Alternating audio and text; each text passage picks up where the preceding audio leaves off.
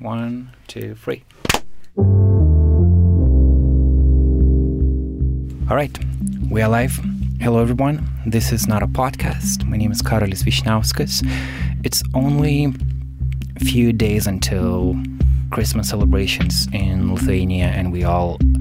It may seem like people are in the holiday mood, but uh, we'll continue working, and we feel like we have to continue with the topic that we dedicate two last podcast episodes to, and the topic is what is happening in Gaza, uh, in Palestine, in Israel, the whole situation. And uh, I felt that what is missing in this conversation in Lithuania is voices from Palestinians. We talk so much about Palestine, we hear about Palestine, but we rarely hear from Palestinians themselves. And uh, today we gonna do exactly that.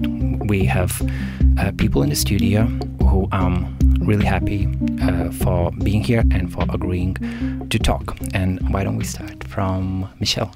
Okay. Hi, my name is Michel Rantisi. I'm a student at Vilnius Tech studying computer engineering. I've been here in Vilnius for four years almost now, and it's been nice. I grew up in Ramallah, the West Bank in Palestine. And we have Noura as well. Hello, Noura. Hi, uh, my name is Noura Al Mawed. Uh, I am working and studying here, Masters in International Communication at Vilnius University. I've been here for one year and a half, uh, living in Vilnius, uh, and I'm a Palestinian refugee born and raised in Lebanon. Also, um, we have our friend and colleague here, our former intern, actually, um, Austėja. Yes, hi. Uh, I'm Austėja Pūraitė, and I'm a fourth year student of political science at Vilnius University. And as Karolis said, I was an intern at NARA, and I still can't leave. All right. Um, I want to start from um, this exact part where I, wh- why I want to have this conversation. Uh, first of all, when I wanted to invite people to podcast who would be Palestinians living in Vilnius, I understand that it's pretty hard to do that because there's only so so few of, of you here in this city. Um, Michelle, Noura, do you feel like there is a Palestinian community in Vilnius, in university or outside of university?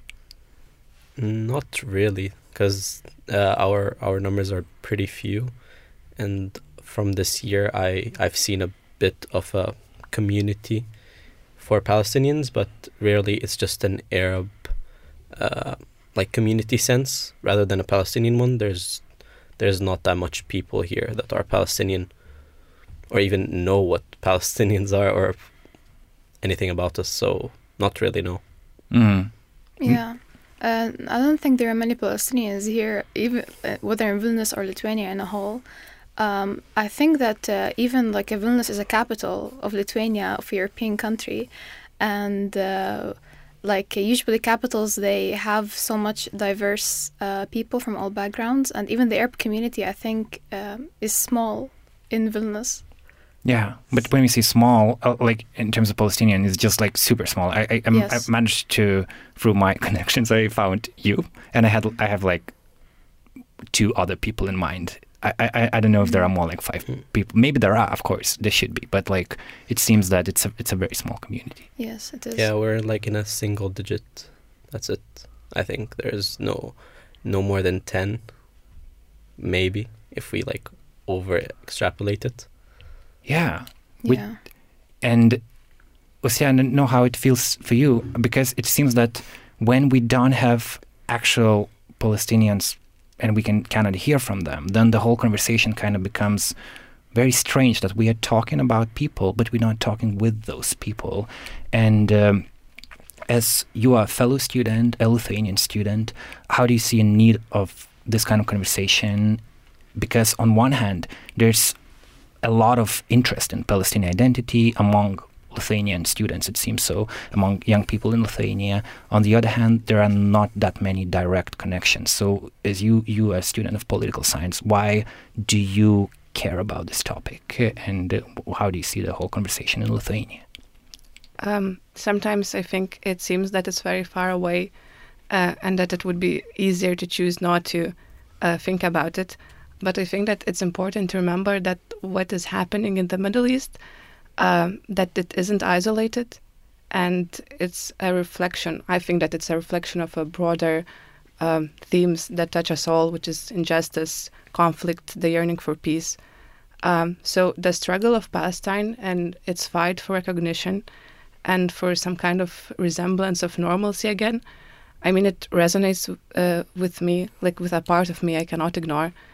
And I think that in Palestine we can see not only some kind of um, distant conflict, but also a very, um, but a mirror that uh, reflects our collective weaknesses and strengths, and a reminder for our of our uh, collective responsibility for each other, towards each other, uh, no matter what the distance that lies between us. Mm. And uh, we know the official numbers. We get the news from Gaza every day. And right now, before the recording, I just checked uh, uh, the official number of death, people being killed in Gaza. It's uh, surpassed 20,000 actually this night. Uh, there was uh, October 7 attack by Hamas where 1,200 people were killed and more than 200 people took hostages. So we know those facts. And today, I kind of feel like we cannot really say much new about that and people get that can get that information anyway. So what i'm interested today is to hear your personal stories michelle and noura to kind of bridge this divide and and have a different perspectives i guess on who palestinians are because there's when you follow the public conversation there's so much demonizing and there's connections with terrorism. It seems that every Palestinian becomes somehow responsible for what Hamas did. And as a journalist, as a fellow Vilnietis living here, I just feel like that's such a limited view. So why don't we start from the very beginning? How did you grow up, and how did you how did your life story brought you to Lithuania. And it's important to say that you are very young people. You are in your early 20s. So if you could briefly talk about your life stories and how did it brought you to Vilnius, that would be important to know. Uh, Noura, maybe we can start from you. Yes, so just to give like some background um, story about myself is that I'm a Palestinian refugee. I was born and raised in Lebanon, as I said. Uh, I've never been to Palestine in my life, uh, but uh, my grandfather used to live in Palestine. Um, so the story goes is that um, in 1948, which is like the official year where um, the occupation of uh, Palestine began and the ethnic cleansing of Palestinians, my grandfather used to live with his family in northern Palestine in a small village called Safuri, uh, which is a few kilometers away from Nazareth. Um, and um, they got displaced and I will just uh, talk a little bit about uh, my grandfather because it's an interesting story of how he got displaced. Is that um, on July 1st in 1948 specifically, my grandfather's mother was visiting her family. And uh, coincidentally, that day, she only took my grandfather and his sister. And she left the other children with their father, my grandfather's father. And she went to visit her family and uh, then when the village was attacked she had to run away. Uh, my grandfather's mother had to run away with uh, her family. So she took my grandfather and his sister with her. And they walked and walked and got displaced until they reached lebanon southern lebanon. Um, and uh, they settled in tents uh, in a city called saida which i grew up in. And by time these tents became a refugee camp where I was born and raised also. Uh, so, um, like, my grandfather's family was torn apart. Half of them, uh, him, uh, his sister, and uh, his mother, they uh, got displaced in Lebanon. They became refugees in Lebanon, while his father and his siblings they stayed in Nazareth. Um, and um, my grandfather died a few years ago of cancer, and uh, shockingly, 1948 was the last year that he ever saw his family. So uh, the last time that he ever saw his siblings and his father was uh, was that when he was only three years old. Uh, so uh, yeah, the reality of occupation, you know, t- tearing families apart, and um, that's how I became a refugee in Lebanon. Uh, so, uh, because my grandfather became a refugee, I inherited the status of refuge from him. Although I've never been displaced, I mean, like, I didn't, you know, uh, go through journeys or walked from one country to another. Um, but, um, and I became a stateless and refugee because Palestine does not exist anymore uh, as a country. Um, and uh, yes, so I'm neither Palestinian nor Lebanese legally, and I'm a stateless and refugee. And um, I grew up in a refugee camp in Lebanon. And uh, at the age of 18, I got a scholarship to study my bachelor's in Malta. And then from Malta, I came to study my master's here in Lithuania. So, just to understand this, uh, just to kind of strike this important point. So, you've never you never been to Palestine, but you identify as a Palestinian very strongly, as I can hear. Yes. Um, how did that happen? Uh, yes, I do strongly identify myself as a Palestinian. Um, I, I I won't lie that there were like phases in my life that I grew up and I felt that I had an identity crisis. I didn't know whether I'm Palestinian or Lebanese because uh, like I'm both and neither at the same time. Uh, because I don't have citizenship of uh, Palestine or Lebanon, so I grew up uh, not knowing who I am, um, and I felt like I denied, I was denied the right to belong to Palestine and Lebanon. Uh, but um, that's like the secret of, of being Palestinian that you're a refugee, but you still uh, yearn for uh, belonging to your homeland. Uh, and I think it's mostly because it's repressed. The fact that Palestinians are denied the right to belong, uh, the because I'm denied the right to return to Palestine because I'm a descendant of a Palestinian refugee who was born in Palestine and who was forcibly expelled from Palestine. So, uh, like this denial of right, I think um, Im- embed embeds on you more to belong and feel strongly. And even though I've never been to Palestine, um, and Palestinian refugees who were born outside Palestine, they all feel strongly that they're Palestinian. Um, and we like we have the same accent as um, as if we've never left Palestine. We still celebrate Palestinian traditions. We still cook Palestinian dishes. We still um, dance on Palestinian songs. We preserve our Palestinian culture.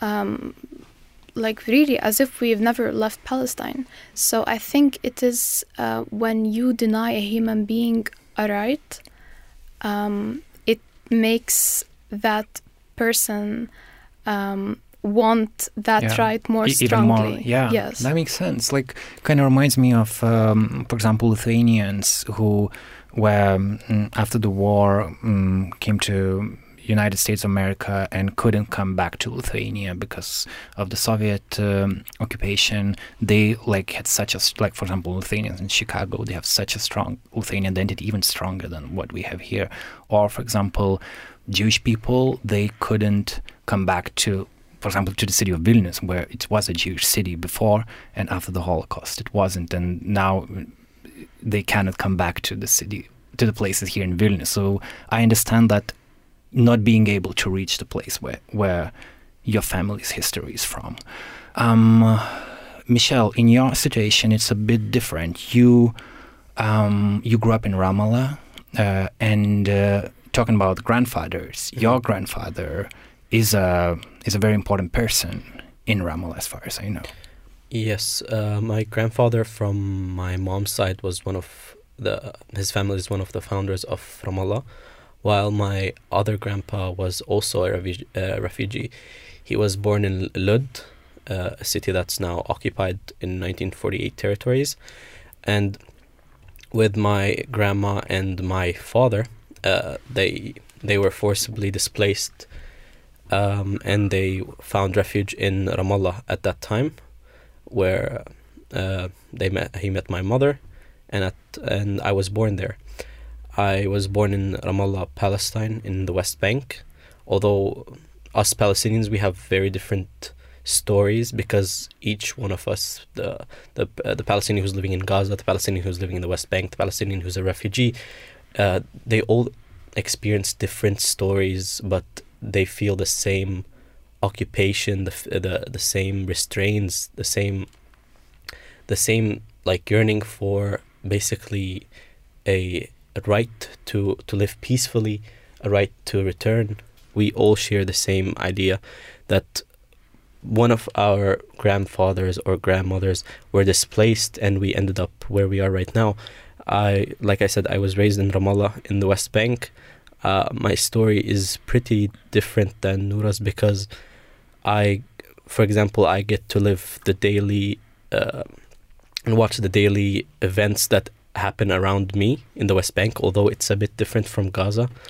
I still see the oppression and the occupation in the colonization that's happening as well in the occupied territories as well because I'm not allowed to go for in Jerusalem for example or in a lot of places that are in, in Palestine because we're confiscated uh, confiscated in such a small place and we feel like we're just locked in through the the walls that are around us because in the West Bank there's so many walls and you are basically like stuck there kind of because everything in your life is just basically difficult to achieve anything because of the restraints that you have and i ended up studying uh, very hard in order to try to obtain and study abroad so i can come back and try to uh, enrich my my home with uh, knowledge and more more modern stuff that we are not we do not have.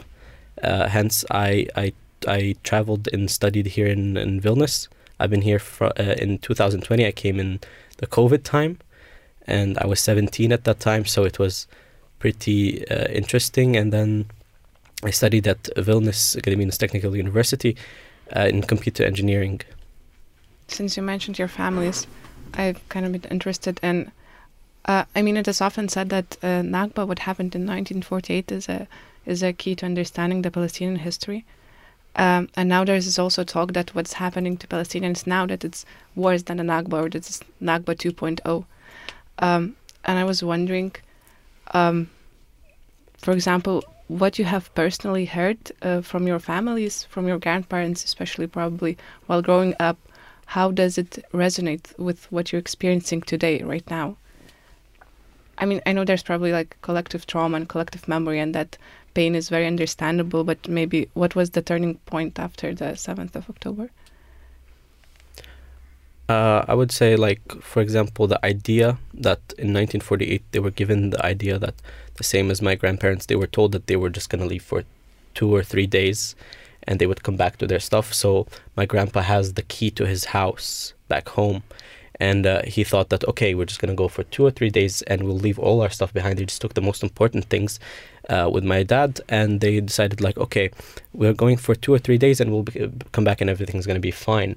Well, but little did they know they were going to be displaced and they will lose the house, their, their stuff, their memories there, and they will not be able to return as well.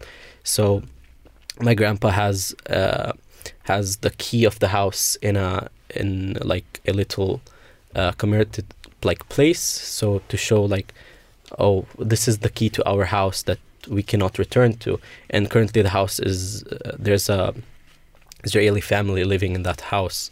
So it's pretty difficult when um, we get the opportunity to go into uh, 1948 areas.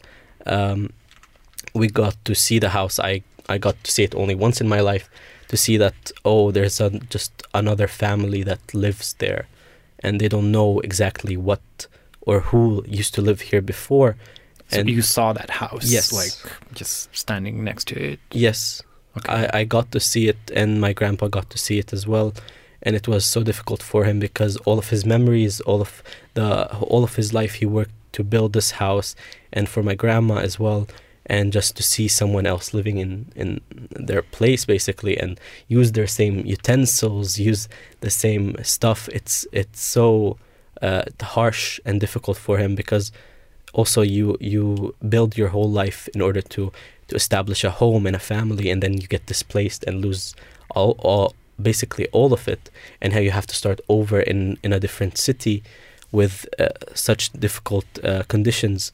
It was such a difficult thing and coming to what's happening right now it is like a Nakba 2.0 although people are uh, hope uh, hopeful that they will be able to return in such parts of Gaza as well um, and they're being literally immigrated and lose.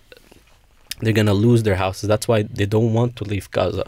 They don't want to um, uh, come coming back to the idea of oh why don't these people just go to Gaza or Sinai to to just for a few days and not and then you'll come back because they're traumatized by the idea that if we leave we're gonna lose our our our land. Hence they would rather be killed and die on their own houses in in order not to leave them so they don't lose their land and their houses and and lose their memories that that they have and the, the community that they had there.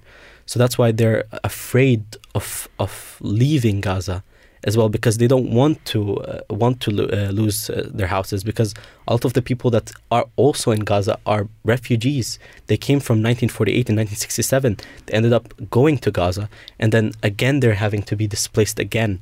So they're living yes, they're living in Nakba 2.0 basically. And yeah, because there is this idea of, for example, going to Egypt to safety, but what you're saying is that that kind of sounds like a trap. That w- once you Mhm. go there, you will never be able to come back again. That that that's the thinking. Yes, basically, because they they literally heard the same story again. They're like, yeah, just leave until the war ends, and then you'll be able to come back to your house and everything like that. But that's sadly what's also happened in 1948. They told them like, yeah, just leave and everything will be fine. You'll be back in like two or three days. Just bring your most important stuff and that's it. And uh, in order to survive, and there they are, literally 75 years later, and they cannot have uh, go back to their house. They've lost everything they have there. So yeah. Yes, um, same what uh, Michelle was saying um, is that uh, the stories that we are hearing right now from Gaza are so reminiscent of what our grandparents were telling us and how they were forcibly displaced from Palestine. People in Gaza, they are refugees and they don't want to become refugees again because they've seen what happened to our grandparents when they told them it's okay, it's just one week and we will return. Because every single Palestinian I've met, every single refugee I've met, they've all told me that what people who lived through the Nakba in 1948 is that they th- really thought that it's gonna be one week and they will return back home. But here we are 75 years later. We're displaced in refugee camps. We don't have basic human rights. We are denied the right to return to Palestine. Uh, we we're not only we are denied these basic human rights, but we're also uh, we are the occupied, but we are being uh, depicted as the terrorists. The um, we're being dehumanized, underrepresented, misrepresented in, in so many ways. Um, so it's really heartbreaking. Like what I see in Gaza is that every single thing that's happening, it's it's a collective trauma trauma that we are living all over again. So this is where I want to jump in and ask you about how it is for you being in the city of Vilnius, because you are you are students here. You also both work for uh, international companies, um, and uh, I want to know: Do you talk with your fellow students, fellow colleagues about these topics? Do they know that you are Palestinian? Are they interested in that fact? Do they want to learn more?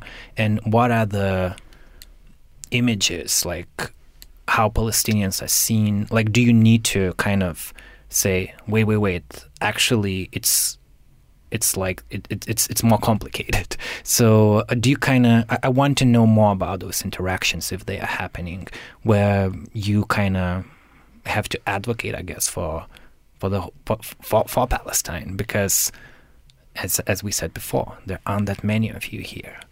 Yeah. People in Vilnius or Lithuanians do not know anything about Palestine. Um, they, don't, they do not know about what's happening. They do not know that there's a reality of occupation. Um, and they also, there are not many Palestinians here, so they do not meet and interact with Palestinians and listen to their stories. And uh, one um, reason for this uh, lack of knowledge about Palestine, I think, is media, because um, media does not give voices for Palestinians. And the Palestinian narrative is always narrated by non Palestinians. And um, how, how is this even okay? Um, who's better to represent the Palestinian story than the Palestinian themselves? So they don't give Palestinians platform, and uh, the media does not talk, does not does not give context about uh, about Palestinians, about occupation, about uh, how Israel is actually, for example. Uh, um, accused of being an apartheid state by uh, human rights experts and international organizations. Uh, so they don't they don't know the reality there, and um, uh, also uh, there's it's also like the idea is that related to um, Orientalism in a way is that how like uh, European media and European countries they perceive uh, Eastern countries and Palestine is an Eastern country. Um, and uh, it's always that uh, we're classified as on the uneducated, the ignorant, the uncivilized, the primitive people. Um, when I have interactions with the Lithuanians here, they get surprised that I'm Palestinian. Uh, they tell me, um, "You really? You don't look Palestinian." And I tell them, "What does? Uh, how does a Palestinian look exactly like?" And then they stop here because they don't have an answer for that. Uh, because uh, just that there's a like a stereotype of Palestinians that uh, we are uneducated, we don't know how to talk, uh, we are um, just religious extremists, um, and uh, even like at some point that that we are physically ugly. And they ask me, "How are you white and Arab? How are you white and Palestinian?" Really? Yes. Um, I've had several interactions with people. Uh, one of the interactions is that uh, the uh, I met a Lithuanian girl and uh, we were talking, and uh, she asked me, um, "Where are you from?" I told her from Palestine, and she told me from Pakistan. Again, they don't know uh, Palestine.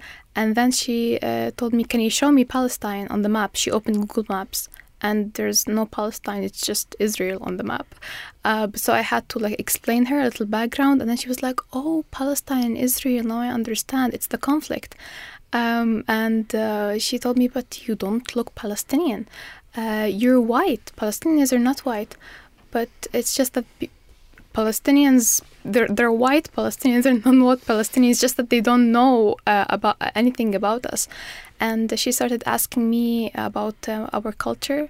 Um, uh, she told me like, "How do you have rice in your country?" yes, uh, because they think that we still live like uh, like in the old age times, because we're not really represented. They don't know anything about us. Well, yeah, that's why that's why you're here today. And uh, Michelle, do you have stories similar Uh, to that? yeah, to be honest, when when I discuss with someone or say where I'm from, I usually get uh, the question like, "How how is it back home?" And then it gets so difficult because a lot of people here want to know, but to be honest, they think it's so complicated, and it comes back to the idea that the narrative of the media makes it so complicated. When I've been here for almost four years now, I didn't hear anyone talk about Palestine before October the the seventh. To be honest, it was so difficult. The sense of community that was in Vilnius this year was truly amazing for Palestinians because it saw a boom of people who are interested in such topic and advocating for Palestinian rights and humanity. And before, uh, when I was here for three years, I did not see any of it, and it was so difficult when there was stuff happening in 2020, 2022 so um, when I usually talk with someone and I ask them, oh, uh, they ask me, oh, where are you from? I'm say Palestinian. They ask, okay, what's happening back home? If I go into details, they get shocked. They get shocked of the daily life that Palestinians struggle, the the images of, of what people experience on a daily basis, the anything related to it is a shock factor for people here in Lithuania. I come to them and they, I'm like, I, my name is Michelle and I'm from Palestine. My name is different. And then I add on top of it, yo, I'm Christian as well.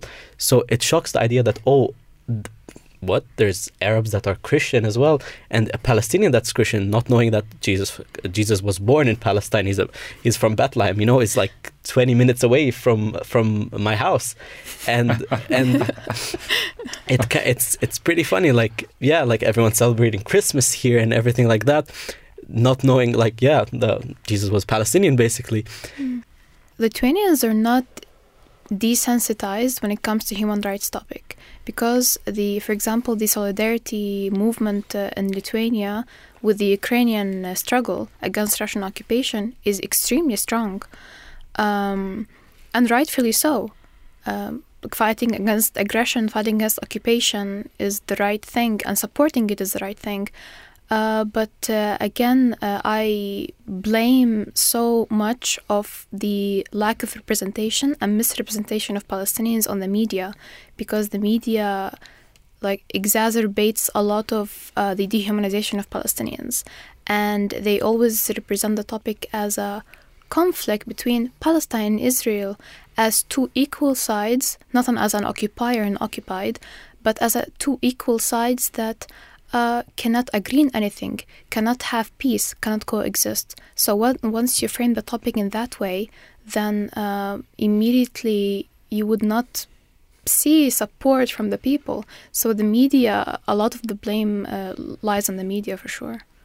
And talking about coexistence, and uh, I guess that's that's one of the things I, I always believe in when I do journalism is that there's more than connects us than separates us. And uh, I remember when I came to the West Bank and Israel during the the trip for EU journalists. I was there in 2016. We spent like 10 days and went to different places from um, from Bethlehem to we were staying in Be- Beit Sahur, I think the place was called. Um, also went to a place like uh, places like Hebron, for example, where you see a big division where the Jewish community is living, the Israelis are living, and uh, and the Palestinians, and and also we also went to like one of the settlements where you see a completely different kind of life than in other places in the in the West Bank. Also went to cities like Haifa, um, Tel Aviv. So yeah, it, I remember it was just so overwhelming to, to, to just come from Lithuania and see that big division that people are so close to each other, and yet the whole system is so dividing them. And then um, Michelle, when we were talking before the interview, the earlier day when we were discussing what what we should talk about, I was really fascinated by one story of yours that when you came here, basically you became uh, good friends with one Jewish person and you had the whole story behind that. I kind of want to share that if you could share that with the listeners because there's so much in it. Yeah, so when I came here in 2020, I met a Jewish girl uh, that had the same name as me. And uh, funny enough, uh, she was brought up in a Zionistic school in Vilnius that follows under the ideas of Israel and everything like that. And it was such a different and eye opening idea because back home we usually don't get to interact with uh, Israelis because the media wants to portray like oh it's a religious problem and everything like that not knowing like it's just Zionism is not the same as Judaism. So it, it creates this barrier between religions and people which makes it such difficult to to talk with them. And when I met this person in in Vilnius it was such a interesting uh, period of uh, of time because uh, when I met them, I was so afraid that oh, I'm in Vilnius, but I don't know this person might be uh, might be able to harm me or anything like that because I'm Palestinian, and they had the same idea as well. They were afraid that I because I'm Palestinian, I'm I'm scary and I will hurt them and everything like that. And it was. But wait, you met each other on like a dating app. Yes. And did did you know like I don't know. Did you have like a Palestinian flag next to you? Yes. Really? Yeah. Okay. Yeah. Because uh, as Palestinians, we always have to represent our, ourselves, and uh, I'm very proud of it. Uh, so I always like say, "Oh yeah, I'm one of like the three people Palestinians you can find in Lithuania." So it's it's pretty funny, but yeah, she she knew that I was Palestinian and she was Jewish, and she decided uh, to to message me about it and say like, "Oh, like and, and made fun of the idea like oh okay like what are you doing here and something like that. And we ended up meeting and we ended up dating for three years uh, about this. And um, she came to palestine and um, although although the story is very long uh, she and you also went to the graduation, like in her school. Yes, in, I in went to her Jewish school here yes, in in a in a Jewish Israeli school, and it was pretty funny because uh, it had Israeli flags and everything like that, and and me coming a Palestinian going in there like yeah, just blending in and having the comment of uh, from their principal of the school pointing me out and saying, "Oh, that's a very like uh, like looking Jew uh, like person right there," and it was so funny because technically you could not distinguish between us, which goes back to the idea that we are the same people coming from the same area, coming from the same people. So it's so hard to differentiate between us, and this idea that oh, it's between Jews and, and Muslims or Christians and this stuff, it uh, uh, it makes it so difficult to talk about such topic when it's not about that. Uh, there's so many Jewish people that stand with Palestine and understand its its struggles and problems, and when it's put in that context, it makes it so difficult to to communicate with people and gives uh, such a dividence between people.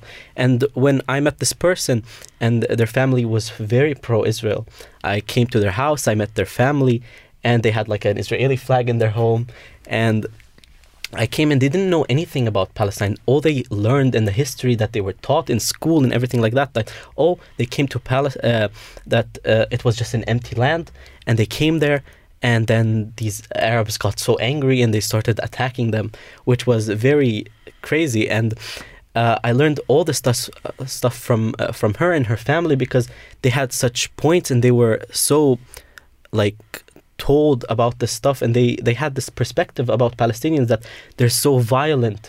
And over the years when she got to see a, a Palestinian media and coverage she was shocked. She thought she learned that everything that's happening in her life and everything she was told was basically fabricated.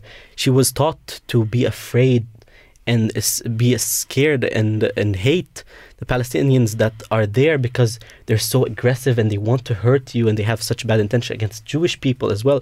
But when she ended up coming to Palestine, she was shocked. The people were so welcoming, so nice to her.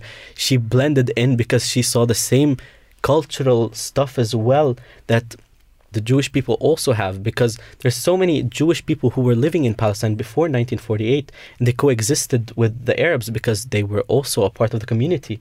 So there was a lot of stuff that are there and uh, a sense of belonging and understanding with the Palestinian people came with that idea because she understood that this problem that was happening is also affecting her and it, uh, it misrepresents uh, her people and making them look bad so she she started to realize and start to advocate about this, and it was it was such an eye opening experience to to see from the other side of you how how the children were raised about the idea of Palestine. What do they know about them?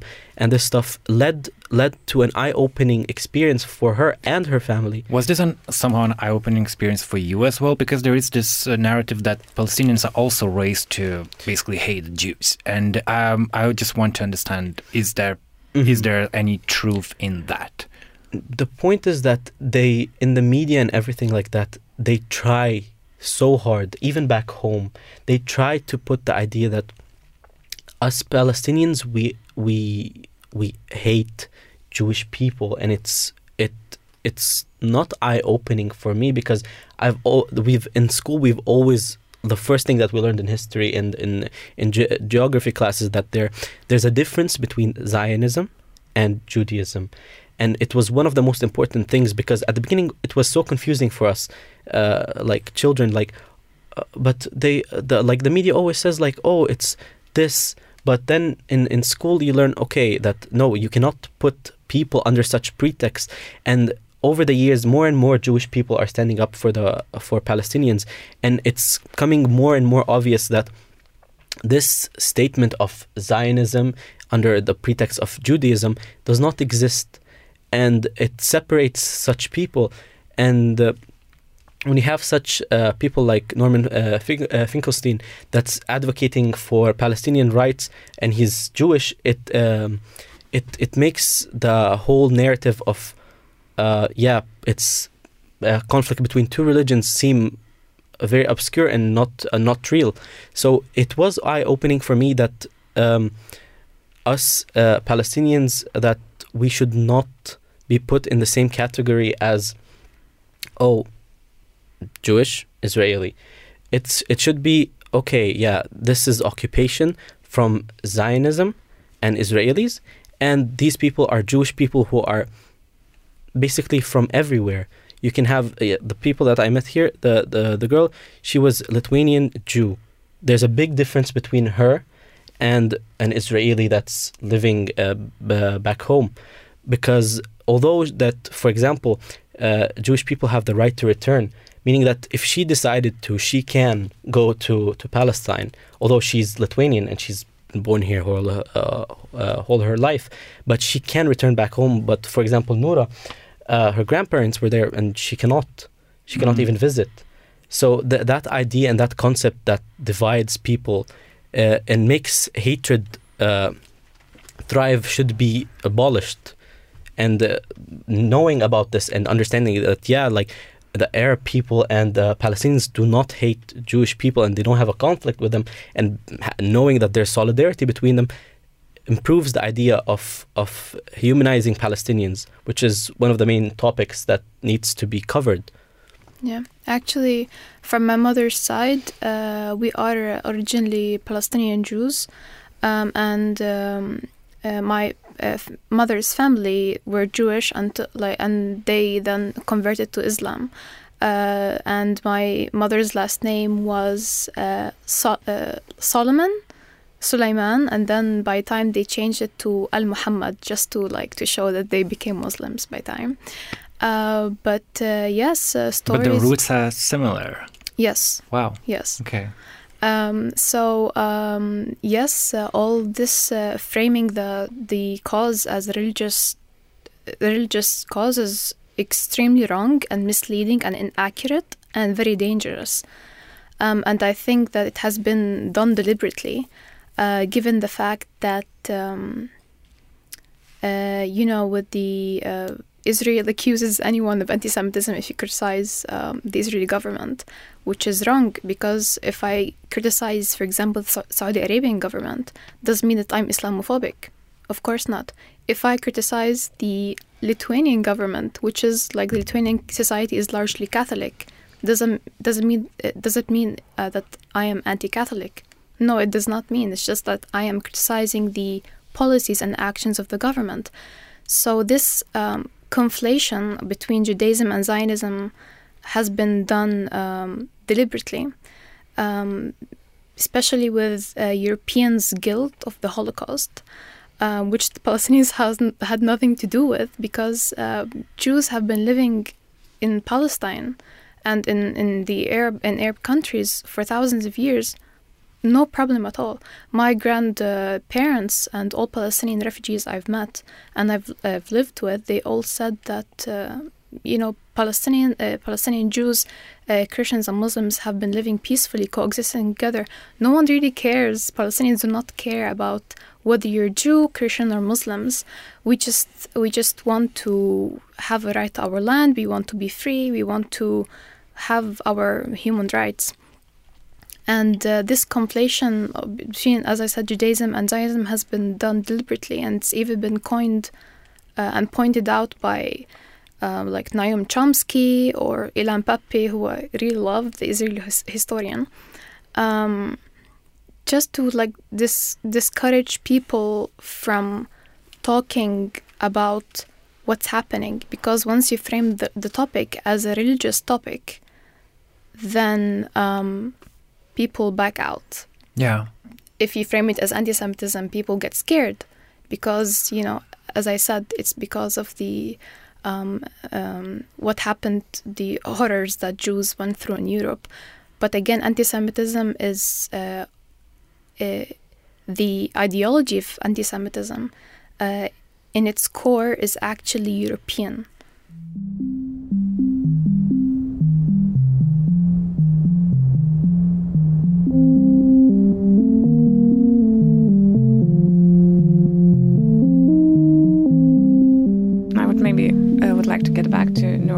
Regarding the relationship building in Lithuania with people. What is your experience being here and talking with people? Do you think that you can have a constructive dialogue with people, or for example, how do you uh, deal with people that have like um, different point of view regarding uh, what's happening in the Middle East? Uh, honestly, I think um, I have changed uh, many, many opinions, um, like for Lithuanians on Palestine, because they've met me, because they all have this idea of what a Palestinian is. As I said, the uncivilized, ignorant, uneducated person. And uh, when they met me and realized that I'm a normal, human being. Um, you know, I have uh, I have hobbies, I have uh, dreams, I work, I study, I have my own fears, I have my good and bad habits. You know, I'm a normal functioning human being. So once they see that, they got really interested, and uh, because of the way that I deal with people, um, and they see that. Uh, you know, I'm just like them. I'm an ordinary person. They get really interested in Palestine and I think that I changed many perceptions uh, of Lithuanians by living here, um, and uh, they literally like most Lithuanians I've met, they did not know anything about occupation, and when they met me, I explained everything to them, and uh, like I would, for example, meet someone uh, and I we would talk about it, and after a month they would tell me I did a research on Palestine and yes, you're right, I was shocked. There's a reality of apartheid, oppression, uh, uh, uh, occupation, uh, blockade in Gaza, like things that they never knew about because they were never informed. I want to come back to the people of Gaza because they are the ones who are suffering the most uh, these these uh, these days, and uh, it feels like to reach them, it's even harder because you are here. You, for example, Michelle, in your case, you grew up in the West Bank, but you have never been to Gaza. Just like Noura, in your case, you couldn't be there as well. So again, there are the, there are people who are who you identify with as your people, but uh, they are unreachable to you. And now you see their cities being bombed. And I'm not I I don't want to get into all discussion like like Israel saying that oh if only the hostages would be released we would stop doing that. It's just all like n- narratives. I feel like it's a, it's a fight of narratives of who is one to blame, who is a victim, and um, I'm not going there because I, what I'm interested in is people being there and being uh, seeing see, see the whole destruction to, to, to them and um, I just want to understand so like you being here what do you do about it because I guess it would be there's this term survivor's guilt right? That you uh, almost feel guilty that you are living normal life here. And um, that makes you do something. So how do you cope with being a Palestinian safely living in Vilnius and seeing people in Gaza being bombed? Uh, I'd say that's a very good term to to like talk about because it's very true, especially in in the West Bank and in Palestine as a whole.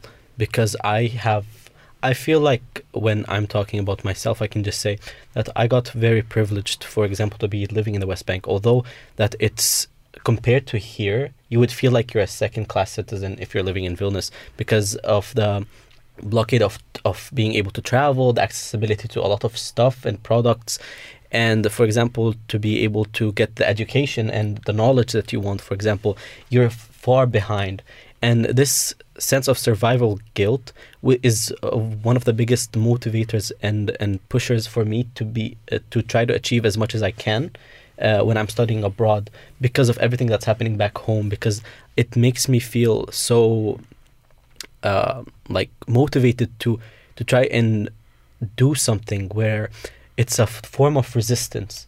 And a lot of people ask like oh what's the point? Like how do you resist or like tell people what's happening or how do you fight against this occupation? And one of the most important things because i'm living abroad is through my voice and through my privilege of being able to be outside to tell people and to to give knowledge. Like we said knowledge is power and telling people about what's happening. And then for in my case i want to be able to learn uh, all the stuff that i can about for example in my case about artificial intelligence because I want to go back home and and help the financial sector of, of Palestine and be able to to help and provide and uh, develop a a basically a normal economy that does not depend on Israel and everything like that. So when we want to do such stuff, it's a form of resistance. That's a way to deal with the survival guilt that we get here, the privilege that we get as Palestinians that are living abroad, that are not facing the struggle of the Gazan people. We are their voice, basically, because they, the whole world, cannot hear them, and we have to. We have to post. We have to share. We have to talk about it, and then uh, also at the same time, from my point of view, we also if we can have to return to our country, even though that it's not the same as here. I don't get the same comfort of living in Vilnius uh, to back home. In order to try as best as possible to not abandon our home and to try to develop it so it can can become in the future as comfortable as living in a Western uh, uh, city like Vilnius. Yes, it's everyday guilt. Everyday guilt that I'm safe, uh, my family's safe, um, like I have everything around me, uh, and people, my people, the Palestinians in Gaza, are being shelled every day. So, uh, like, I never stop thinking about them. Every single day I wake up. Um, I'm not even like ever since things started. I haven't been sleeping well at all, honestly, because it's been really affecting me psychologically and uh, for like at some point uh, for like a whole month i just didn't want to see anyone i didn't want to talk to anyone i felt like i like i couldn't even uh, work properly because i felt like wherever i go i'm an open wound. And um, and we just we like we feel so helpless. And what is the maximum thing that we can do is we talk about it. And talking about it in Europe, it's actually difficult because uh, you get there are dangers to talking about Palestine in Europe nowadays, um, and uh, Palestinians are disappointed in a way because Europe has always um, talked about you know how it's a hub for civilization, hub for human rights, for freedom of uh, expression, um, but it turns out that it is um, limited freedom of expression, and Palestinians are exclu- excluded from this. Um, and uh, you cannot uh, openly and freely talk about Palestine. Although uh, we are, uh, we're just talking about reality of occupation. Um, for example, I understand if it's anti-Semitism, yes, of course, that is wrong, and uh, it's not freedom of expression when it comes to anti-Semitism. When it comes to talking about a genocide that it's happening, um, people being bombed indiscriminately, uh, starving people, uh, collective punishment. When I talk about these, these are crimes under international law. But, uh, you know, we don't feel that there is enough space for Palestinians to, to talk about it.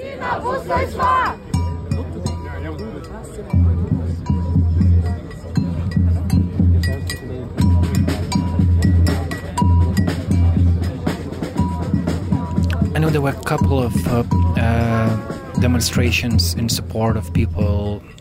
What is the right way to put it? I guess it would be in support of ceasefire, and uh, where people who care about the victims of Gaza they gather together, and um, those demonstrations are pretty small compared to what was happening in different places in, in Europe or in the U.S.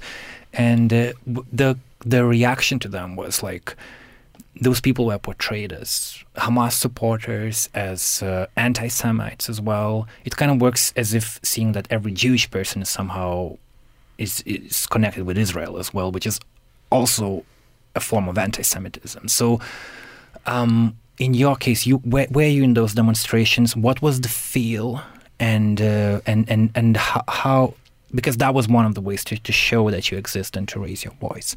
How did it feel being there? Did you I, I said earlier that you here is are safe in Vilnius, but that can be prejudice on my side. Maybe you don't at that time. Maybe you didn't feel that safe at all.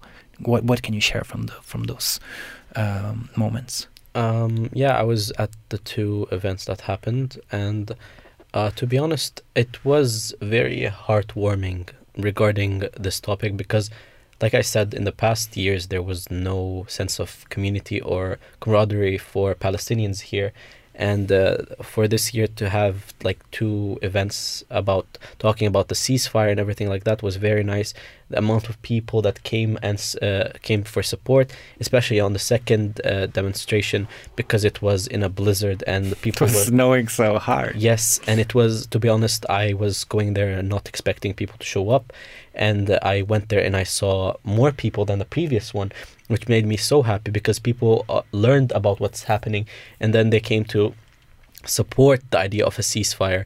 And uh, the idea of being safe here is also very important because at that, uh, also in every demonstration there were Israeli flags, but like like everything that's happening, we sh- we the demonstration went good. There were no aggravated any uh, like uh, events that happened because the whole point of going for the uh, for this uh, demonstration was not to to sympathize with uh, the the killing of people or anything like that. No, the the whole point of it was to show about uh, the and support the idea of a ceasefire of humanizing Palestinians of literally saving children and and people that are living in Gaza who are bombed who are being killed on a daily basis so when people are showing up for these demonstrations and showing their support it's not anti-semitic it's not pro Hamas it's not anything like that. It's pro human it's pro life so when you're supporting and you're asking for a ceasefire when a lot of people are saying asking for a ceasefire is showing support to the terroristic side it's pretty crazy that we live in a world when we're asking for people not to die and it's seemed and showed as literally showing support to a terroristic act or anything like that and uh, shows that you support killing people but on the opposite you're literally asking for people not to be killed and for people to be literally living in a safer condition Noura, were you in those demonstrations? Unfortunately, no. I wanted to go to, but I had work during the time of protest, so I didn't go. Uh, but I used to follow social media, uh, um, uh, like the comments of people on the demonstrations, and I've seen a lot of negative comments and uh, painting those demonstrators as. Uh, uh, pro terrorism and uh, pro Hamas and anti Semitic people, which is wrong. But again, I feel like there's growing support from the Lithuanian community with regarding with regards to Palestine, um, and I think one of the reasons um, is that um, there are like more Palestinians um, around, and uh, Palestinians are traveling all around the world. They speak multiple languages. They know uh, their story, their experiences, their identity. Uh, they know their rights, so they are like interacting with Lithuanians and other Europeans, and that's how Lithuanians are knowing uh, are knowing what's happening in Palestine through these uh, Palestinian people, um, and also honestly because media is not showing anything of the reality. Uh, and it's uh, I attribute uh, this growing support for Palestine in Lithuania to social media, which is an alternative media, which gives a platform for uh, marginalized social groups, um, and uh, you know it's giving uh, context and the right terminologies to use on the cause, so people are growing more aware of the reality of occupation.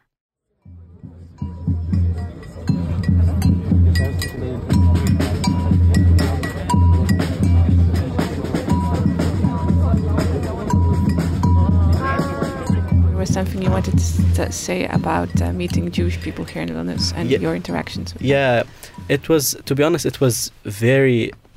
Uh, at the beginning, it was very shocking for them because they al- always associated Palestinians with like these people who hate uh, Jews. And when I, for example, went to her family side here, and I was like spending time with them and at Hanukkah and everything like that, it it broke the stereotype in their mind. It was, to be honest, very scary for them. Like, how could someone be of Palestinian, uh, first of all, and be spending and not like literally try hating uh, us Jews here. And for example, going to the Jewish shop here uh, in uh, in Vilnius and going to the ghettos uh, in the city center as well, and learning more about the, this culture and being so like appreciative of and, and knowing more. To be honest, shocks the shocks the narrative of of yeah, like Palestinians hate Jewish people or something like that. Like it's a two sided uh, problem. And it it's it was very it was very nice. The people that I met were so nice, and to be honest, I I bonded with them a lot because they also have similar stuff to us, similar uh, cultural stuff, similar aspects, similar uh, ideologies that also, to be honest, sets uh, Jewish people as well apart from uh, European people as well because of their ideologies and their uh, their stuff, and which also resonates with. Uh, Arab and Palestinian culture as well. So it was very nice and easier to connect with them, for example, than a European person who has like a different mindset. So it it also like eye opening for me that yeah we're so similar yet we are literally put in such a situation where we're afraid of each other and you're you're you're afraid that the person who is Jewish who doesn't have to do anything mm. to do with Israel you're just afraid of them because of the representation of Israel yeah. with that so it's it becomes such a scary situation for both sides who are Jewish and Palestinians that are living abroad like to interact with one another because you don't know what the other person is. If he's a like a Zionist extremist and supports them, that means that he he hates me for basically being me. And same idea is printed on them. Like, oh, he's Palestinian, he should hate me. When on the opposite, when we meet, it's it's more like we click better than than random uh, Europeans because we have so much in common. Yeah, actually, uh, when I moved to Vilnius, uh, I coincidentally met, uh, accidentally met a um, Israeli Lithuanian girl. I was hanging out with my friends, and she was like the friend of my friend. And I didn't know that she's Israeli. She didn't know that I'm Palestinian. And then uh, we were talking, and she knew uh, that I'm Palestinian. She was absolutely shocked, and she told me, "You're the first Palestinian I meet." um, and uh, like all the time she was just sitting and staring at me and like i could tell from the way that she was staring is that like how a palestinian is a normal person because like there's so much uh, propaganda that they're brainwashed to think that like uh, we became to them like legends uh, like um, legendary monsters that they've never met that they have no idea who they are and so they never felt that human interaction between us and once she knew that I'm Palestinian, she told me, Sorry, but I do not speak politics. She immediately said that once I told her I'm Palestinian. And the thing is that um, Israelis uh, and um, like people generally, even Lithuanians, they have the luxury of not talking about politics. But we cannot uh, me and michelle for example we cannot not speak about politics because politics governs every single day of our lives and everything is dictated uh, by politics. Our lives are governed uh, by politics. So we cannot uh, always uh, we cannot just like um, just you know, just uh, okay, I will not look at social media now. Like everything's gonna be, I'm gonna take a break. We cannot really do that because everything that happens in Palestine it affects us directly.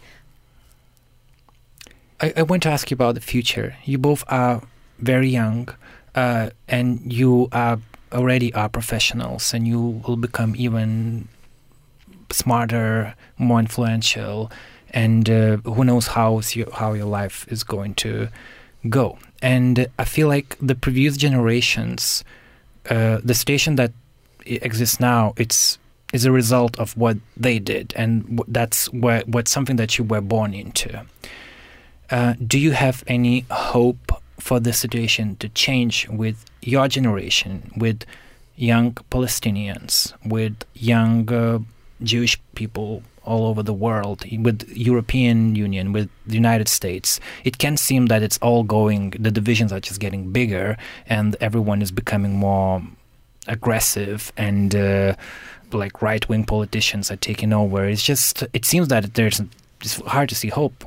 On the other hand, seeing talking with you now, I feel like there's just so much to be. You just so much to be done, really, and and you are totally can do that. So how do you see that? Like how do you see the perspective of Palestine in your your whole your lives as you get older and more influential in the society. How, how can we move forward from this terrible situation with the war, ongoing war that we have now? How can we move forward? Do you see any like optimistic path?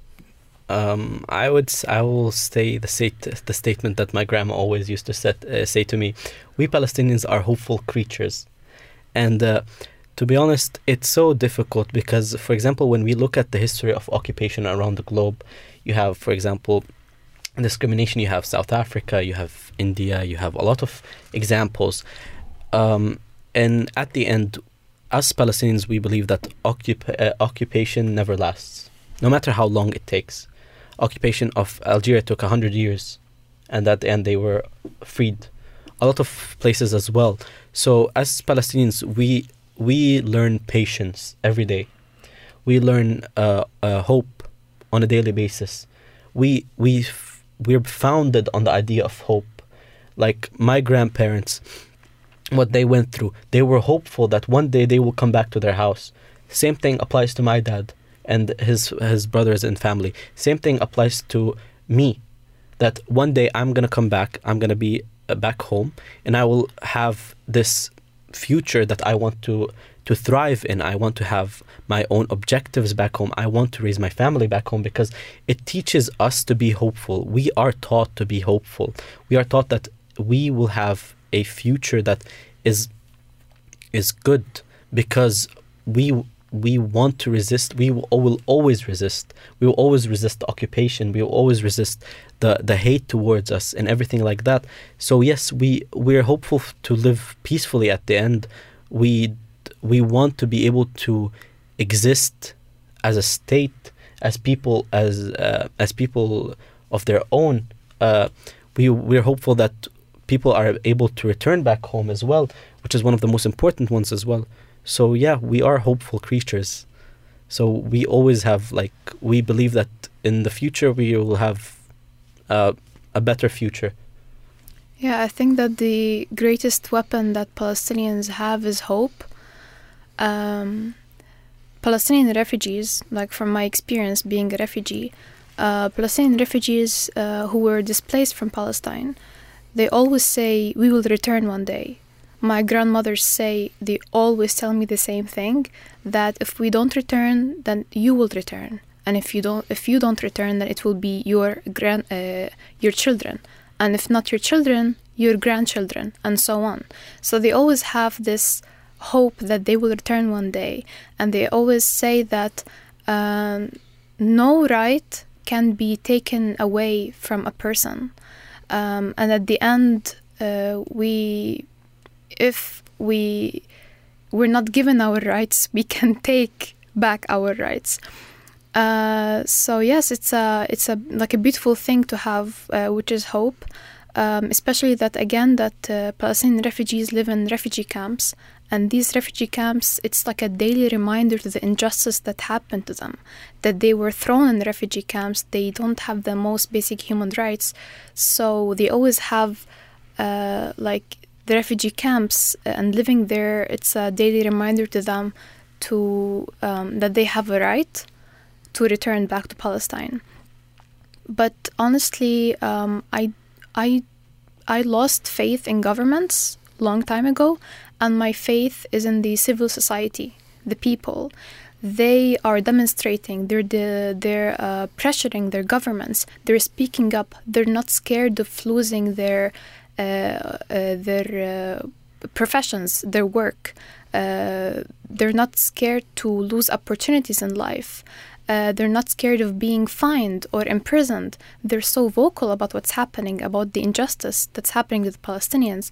So uh, it all depends on the civil society, and uh, and honestly, uh, the, the European media and the American media, they are giving more voices to the Palestinians now, after October seventh, uh, because of the pressure that they got from the civil society. So the civil society is really like making an amazing change, uh, and also uh, part of civil society is the are the Jewish community, who are like a Jewish Voice for Peace, which is like a very known organization that I follow and I really love, and I respect those people a lot.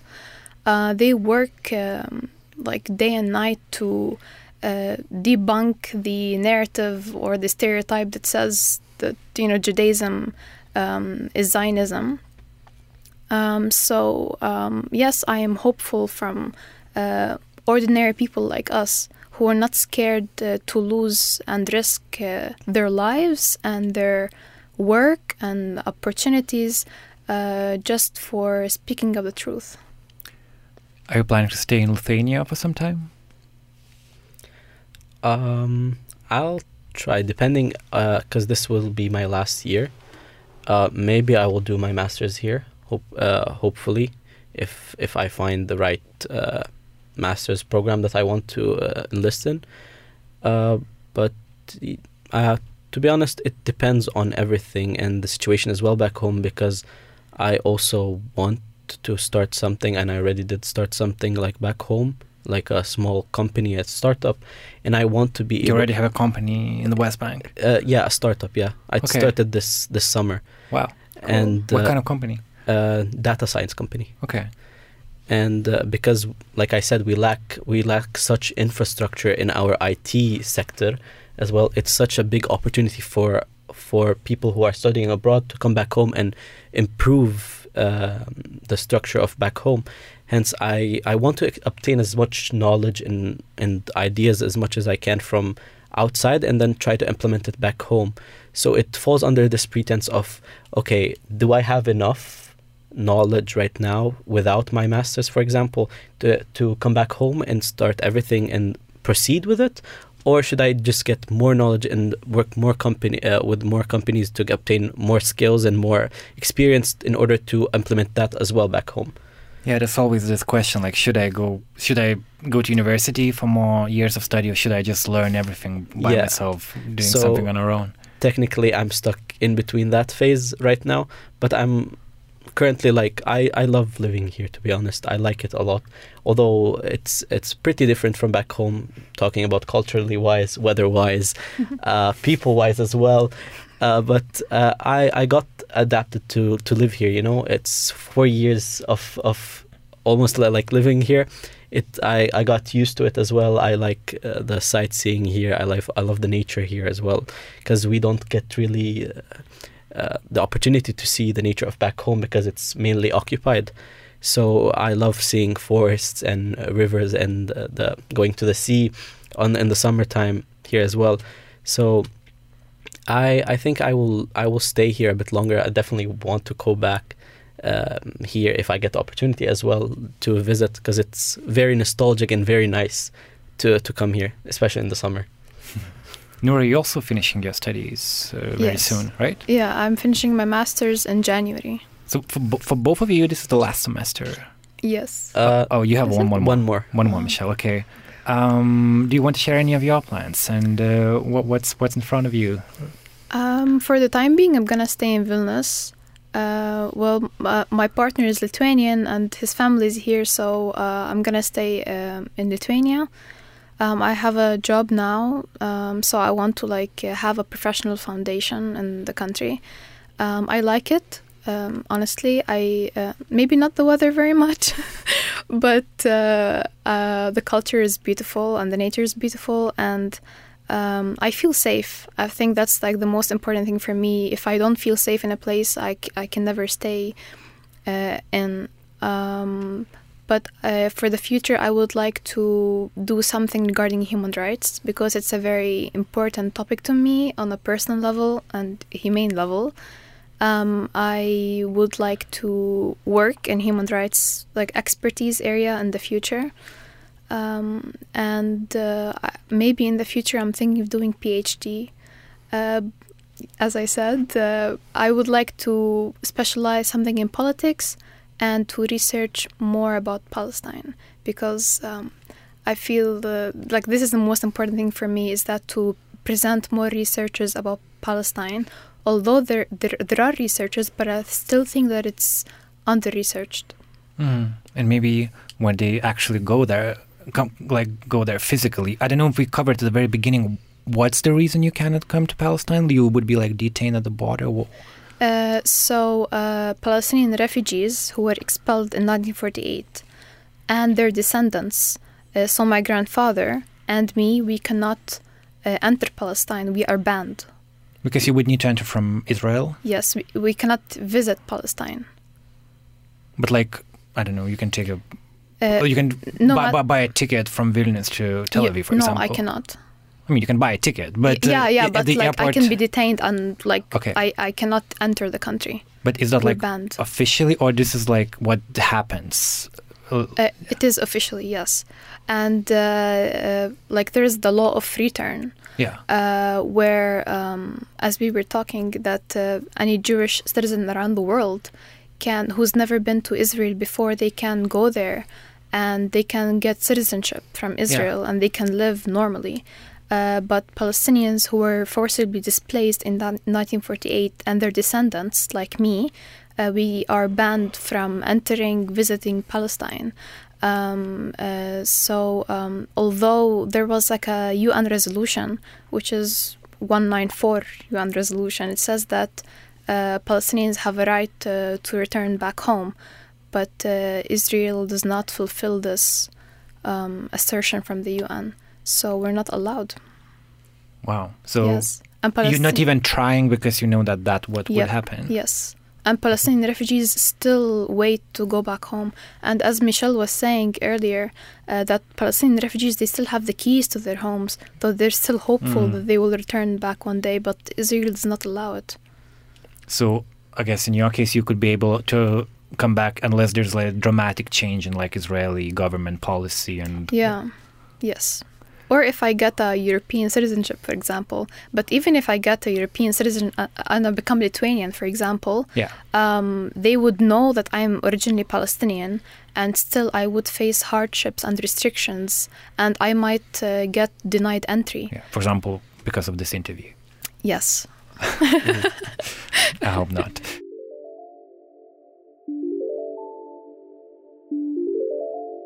What I really like about what what I heard from you and the, the whole situation that we're in is that I, I like the idea of the city of Vilnius being a place where you can feel safe and uh, ho- hopeful and make new connections that you wouldn't be able to make in in the places where you grew up because of the polit- political situation there. And uh, Vilnius has always been an international city and there's a place for Belarusian refugees um, like Ukrainian refugees even like people who again against Putin in Russia they can find safe home in Vilnius. So wherever life brings you I'm happy that this moment uh, you're here and we had a chance to talk. Uh, thank you Michelle. Thank you Noura. And thank you Stea for joining us today Thank you so much. Thank you. Thank you. and thanks to all the listeners of NARA Podcast. You can always support our work at contribee.com slash NARA. And for now, I'm saying happy holidays. My name is Karolis Vyšniauskas. Bye bye for now.